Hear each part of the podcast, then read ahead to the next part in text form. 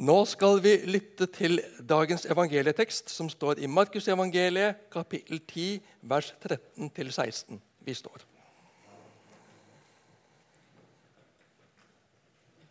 De bar små barn til ham for at han skulle røre ved dem, men disiplene viste dem bort. Da Jesus så det, ble han sint og sa til dem.: La de små barna komme til meg, og hindre dem ikke, for Guds rike tilhører slike som dem. Sannelig, jeg sier dere, den som ikke tar imot Guds rike slik som et lite barn, skal ikke komme inn i det. Og han tok dem inntil seg, la hendene på dem og velsignet dem. Slik lyder Herrens ord. Vær så god, sitt.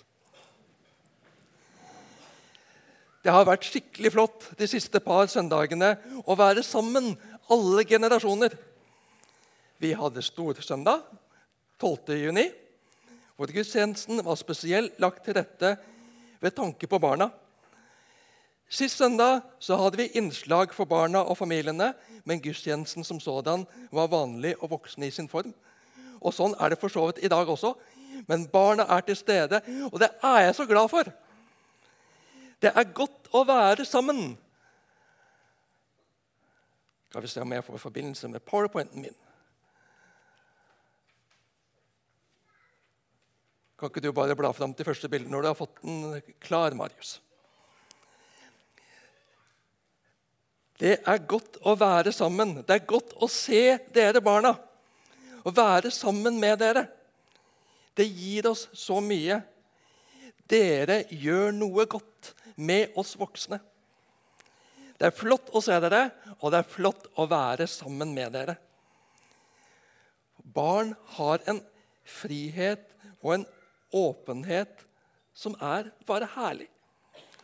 Og I dag så minner Jesus oss om det forbildet og gode eksempelet barna er for oss som er blitt litt eldre. Lærer oss noe om hva det vil si å tro hva det vil si å høre til. Det er en stor velsignelse å ha barn iblant oss. Og det er en stor velsignelse å få barn. På Dagsrevyen sist søndag så var det en reportasje om en 50 år gammel norsk mann som hadde blitt far på egen hånd, dvs. Si ved hjelp av surrogatmor i USA. 1,4 millioner kroner hadde det kostet ham. Reportasjen var åpen med at det er ulovlig med surrogati i Norge, og det med god grunn. Men lengselen etter å få barn og bli foreldre, den bærer veldig mange av oss. Mange får sitt livs ønske oppfylt, men langt fra alle. Om det var det at en ikke fant den rette personen å dele livet med, eller om en ikke lyktes med å bli gravid og bære fram barnet slik en ønsket. Her er det mye lengsel og smerte. Og det skal vi være var for. Spørsmål, kommentarer og fleiping kan lande veldig vondt og sårt i mennesker som kjenner på et sterkt savn og en lengsel etter barnet en ikke fikk. Det er jo fint å markere morsdag og farsdag i menigheten, men det kan gjøre det ekstra vanskelig for den som ønsket å bli mor eller far, men ikke ble det. I vårt fokus som menighet på barn og familie så kan det oppleves en sår bieffekt. Derfor er det viktig for meg å si du er like verdifull og viktig for menigheten. Du som er enslig, og du som ikke kan få barn. Vi hører sammen. Vi trenger hverandre, og vi utfyller hverandre. Du er viktig i menigheten vår. Vi ser iblant, og vi kan forstå, at noen går til uortodokse skritt for å få barn. Vi trenger at myndighetene setter gode grenser, slik at enkeltmenneskets sterke ønske og lengsel om å bli mor eller far ikke dyrkes på en slik måte at det går utover barnet. Ikke dyrkes på en slik måte at det går utover ufødte barn, eller at andre mennesker blir middel til min lykke. Og Dette er et krevende landskap hvor demokratiet viser sine utfordringer. Og som kristne så har vi et menneskesyn og en gudsdimensjon som gjør at vi ikke i alle tilfeller kan gå like langt som myndighetene gjør mulig. Vi må ikke havne der at vi tenker om det å få barn som en rettighet vi har. Barn er en gave fra Gud. Og det er en oppgave fra Gud å fostre de barna han gir oss. Men det er viktig at vi trår varsomt. Ingen er tjent med å gjøre krevende spørsmål til ikke-temaer. Men vi skal være oppmerksomme på hva slags ord vi bruker, og sjekke ut hvordan de lander i folk rundt oss som står i det på en litt annen måte enn oss selv. Og det er viktig for meg å si om jeg med mine ord om dette nå gjør det vanskelig for noen, så ber jeg deg om å ta kontakt med meg etterpå, så vi kan få en prat. For jeg trenger å lære mer om dette. For jeg har ikke hatt dette så tett innpå livet som en del av dere. Jeg ønsker absolutt ikke å legge sten til byrden for noen. Opplys meg der du ser at her har ikke Frank helt forstått. Jesus løfter opp barnets unike verdi. Mens samtiden da ga barna mindre plass og mindre verdi, løftet Jesus barna opp. I vår egen tid så står vi i fare for å både sette barnet for høyt og for lavt. Som mennesker på syndens jord, hvor vi er oss selv nærmest. Adam og Evas fall besto i at de søkte å bli som Gud. Og om vi ikke vil kalle oss selv guder, så vil vi være vår egen herre, vår egen sjef. Selvstendige, uavhengige mennesker vi faller stadig i fristelsen å gjøre andre mennesker og ting til redskaper og gjenstander for min lykke. Det kan være venner, kollegaer, ektefelle, barn, søsken, foreldre. Når det skjer, da har vi et usunt selvbilde og et for svakt bilde det andre menneskets verdi og menneskeverd.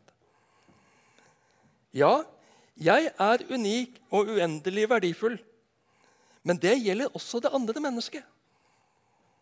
Han og hun, uavhengig av alder, uavhengig av stand og stilling, evner og funksjonsgrad, er unik og har uendelig verdi, er uendelig verdifull. Det er Bibelens menneskesyn.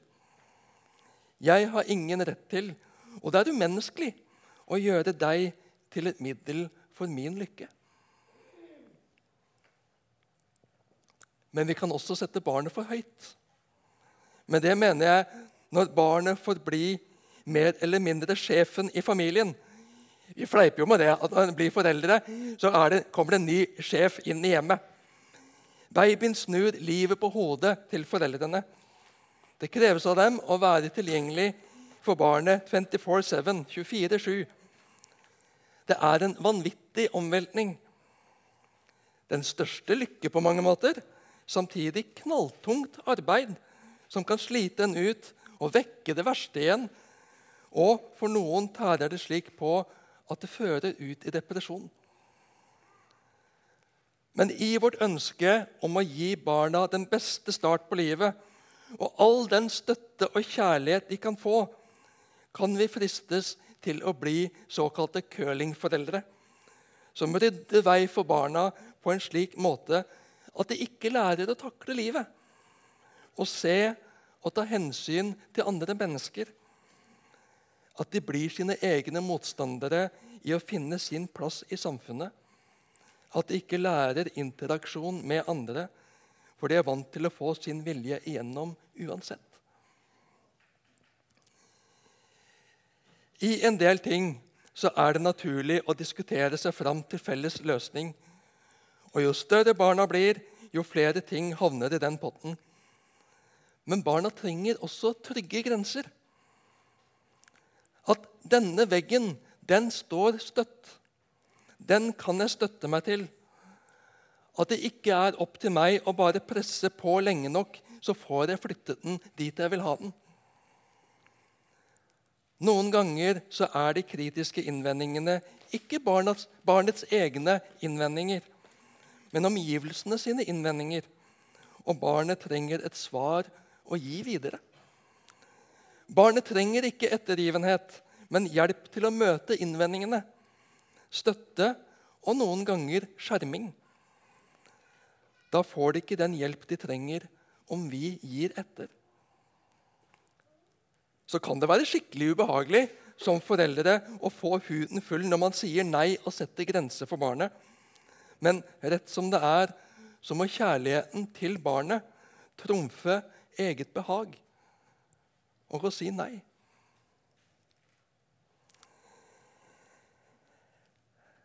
Dere barn, hvordan går det med tegningen? Er dere ferdig, eller er det sånn cirka halvveis? Går det bra?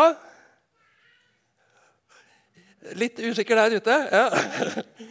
Men har dere barn noen gang opplevd at mamma og pappa sier nei? Hender det at mamma og pappa sier nei? Ja. Og, det, og jeg tror jeg kan si med sikkerhet at det er ikke så gøy for mamma og pappa å si nei. Men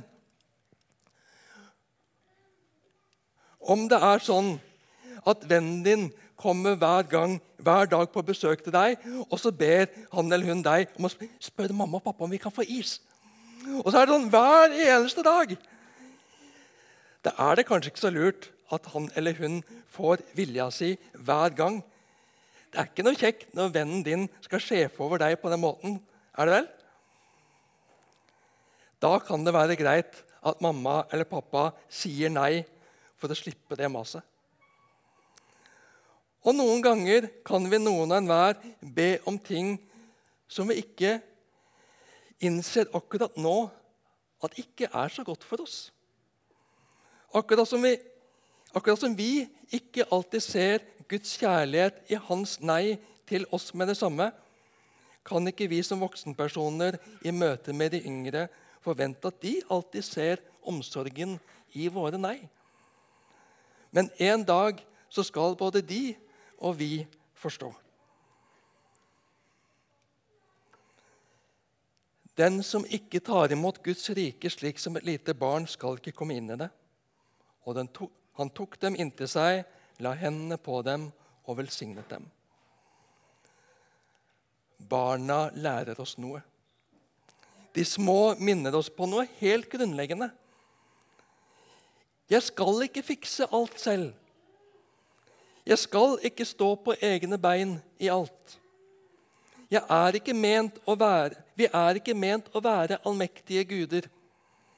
Vi er ment å være underordnet Gud.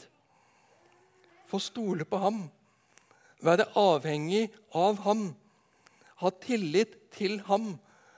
Han fikser det. Han vil ta seg av meg. Her kan jeg hvile. Her er jeg trygg. Kanskje blir foreldrene lei, men jeg blir ikke lei av å snakke om dette i dåpssamtalene. Så er utfordringen der når det kommer til dåpssamtale nummer tre og fire og fem i samme familie. Men de skal nok få høre det da òg. For det er blitt så stort for meg og så viktig hva de små barna lærer oss om tro. Spedbarnet stirrer ikke skeptisk på puppen til mamma eller flaska og lurer på om er dette godt. Er dette trygt barnet tar imot. For spedbarnet er det den største selvfølgelighet at mamma og pappa passer på meg. Mamma og pappa vil meg vel. At de skifter på meg når jeg trenger det. Barnet har full tillit til sine foreldre. Og Er ikke det nydelig? Intellektuell forståelse Tja, det er det vanskelig å måle før språket kan sette mer ord på det. Men tilliten er der. Det er det ingen tvil om. Og det er hva tro er. Vi har så lett for å intellektualisere troen. Alt vi skal forstå. Og så blir det et spørsmål om å tro nok, om å tro rett. Jeg balte i hvert fall mye med det i tenårene. Og det ble så frigjørende når fokuset rundt troen ble flytta fra troen jeg skulle prestere, til ham som jeg tror på, Jesus. Jeg skal få stole på Jesus. Jeg skal få tillit til Jesus. Det er hva det handler om. Han er det det handler om. Og Når jeg snakker om dette, så kommer det opp på netthinna en damesanggruppe på bedehuset hjemme på Nednes. Jeg syns sangstilen var kjedelig, men en strofe fra en av sangene festa seg likevel. Å tro, det er ikke å tro at du tror, men barnlig å klynge seg fast til Guds ord. Barnet lærer meg å flytte troen fra hodet til hjertet. Det handler ikke om hodets gripeevne, men livet som lar seg gripe og favne av Jesu kjærlighet og soningsverk. Takk, Jesus. Min frelse er i deg, Jesus. Mitt himmelborgerskap er takket være deg. Jeg skal bare få si takk og være hos deg hvile i deg, være befriende avhengig av deg. Så bruker vi lutheranere dette avsnittet i forbindelse med dåp. Selv om det ikke er dåp som finner sted her. Det er velsignelse som finner sted her. Barnevelsignelse. Likevel så er det barnedåp vi praktiserer, og ikke barnevelsignelse. For Jesus har bedt oss om å døpe, ikke velsigne i betydningen en type velsignelseshandling. Vi skal få be om Guds velsignelse over store og små. Og jeg antar at ganske mange her har avslørt for lenge siden at han som står her, elsker å lyse velsignelsen over menigheten i slutten av gudstjenestene. Min velsignelse er lite og ingenting verdt, men Guds velsignelse er alt. Vi har Guds ord på at vi får nedbe Guds velsignelse over menigheten, over hverandre. Vi kan ikke be om Guds velsignelse over synden. Vi skal få komme fram for Gud med synden også og be om tilgivelse for den. Gud har tilgivelse å gi. Han kan ikke gi tillatelse til noe som ikke er godt for oss, og som er i strid med hans vesen. Men vi skal få legge av synden hos Jesus og reise oss opp og få velsignelse over livet som vi legger i hans hender. Under hans ledelse, han som er vår frelser og herre. Så døper vi barna våre. Ikke fordi de har grepet et minimum av kristne dogmer og sannheter. Vi bærer dem i tro til Gud om at han elsker dem og vil ta imot dem og frelse dem.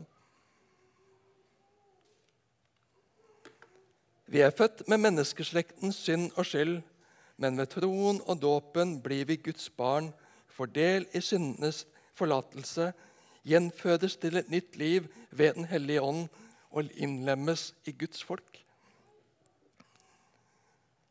Det tillitsfulle barnet lærer oss hva tro er.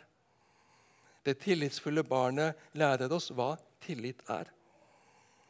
Og så skal barnet gjennom hyppige møtepunkter få lære Jesus og Guds ord å kjenne.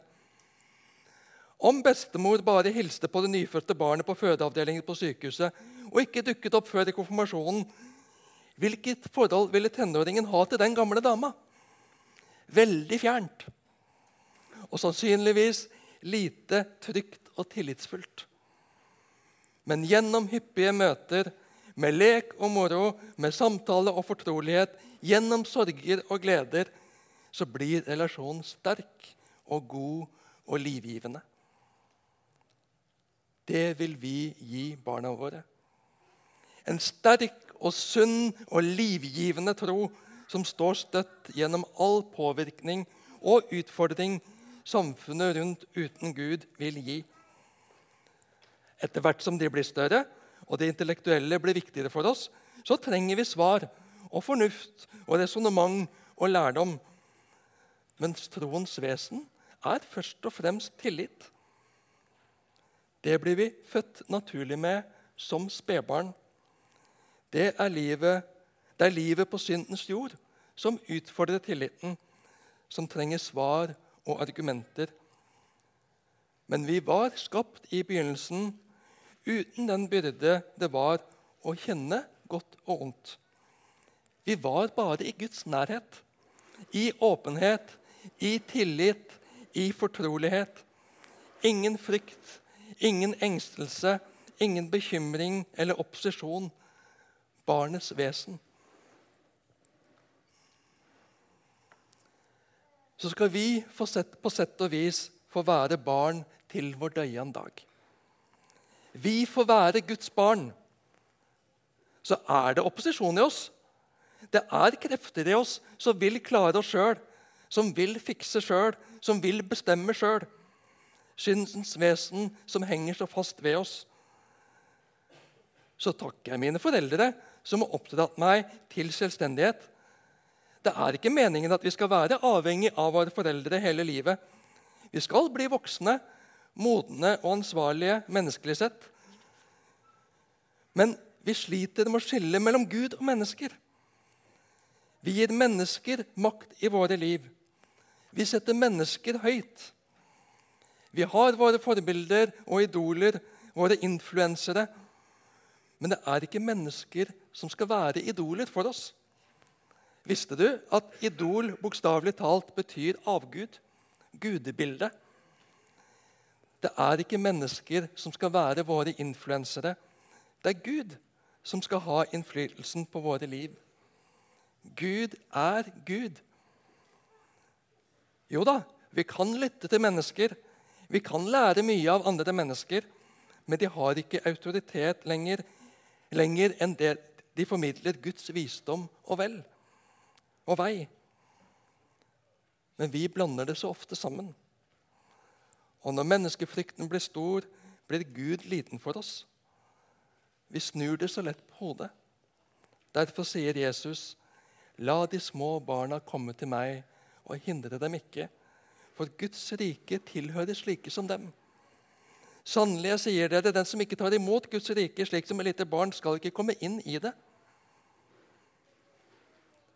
Du skal få være barn, Guds barn. La deg bli tatt imot, favnet av ham. Jesus har ordnet alt for deg. Du skal bare få ta imot og si takk. Jeg vil være her hos deg, Jesus. Amen.